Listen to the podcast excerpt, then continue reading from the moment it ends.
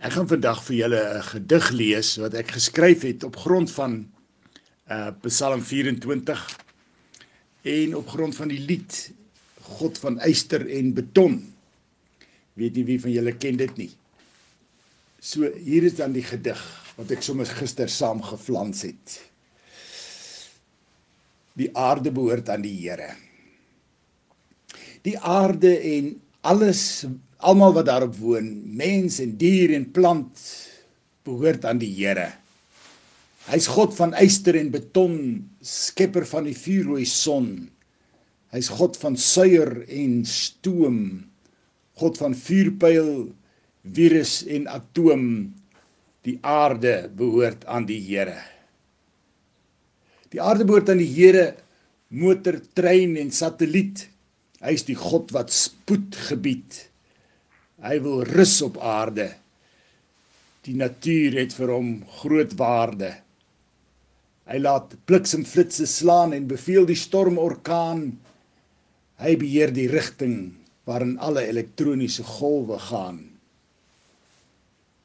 Die aarde behoort aan die Here, hy's God van kuns en wetenskap, God van navorsing en vakmanskap, God van chemie en musiek, Heer van orde en metodiek. Alles op aarde behoort aan die Here. Die aarde behoort aan die Here. Hy red die arme en allene hoeveel kere hy sien om na die gemarginaliseerde. Werk dan aan kerklike ekumene. Die aarde behoort na alles aan die Here. Wie mag dan die berg van die Here opgaan? Wie mag in sy ingegrendeldheid in sy heiligdom gaan staan? Die een wie se hande gewas en wie se hart gesaniteer is. Die een sonder masker in afstand van die Here. Met so 'n persoon is die Here tevrede.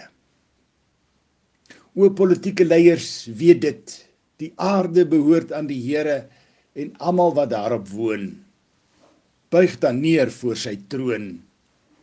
Wie is hy hierdie magtige koning? Vader seun en heilige gees.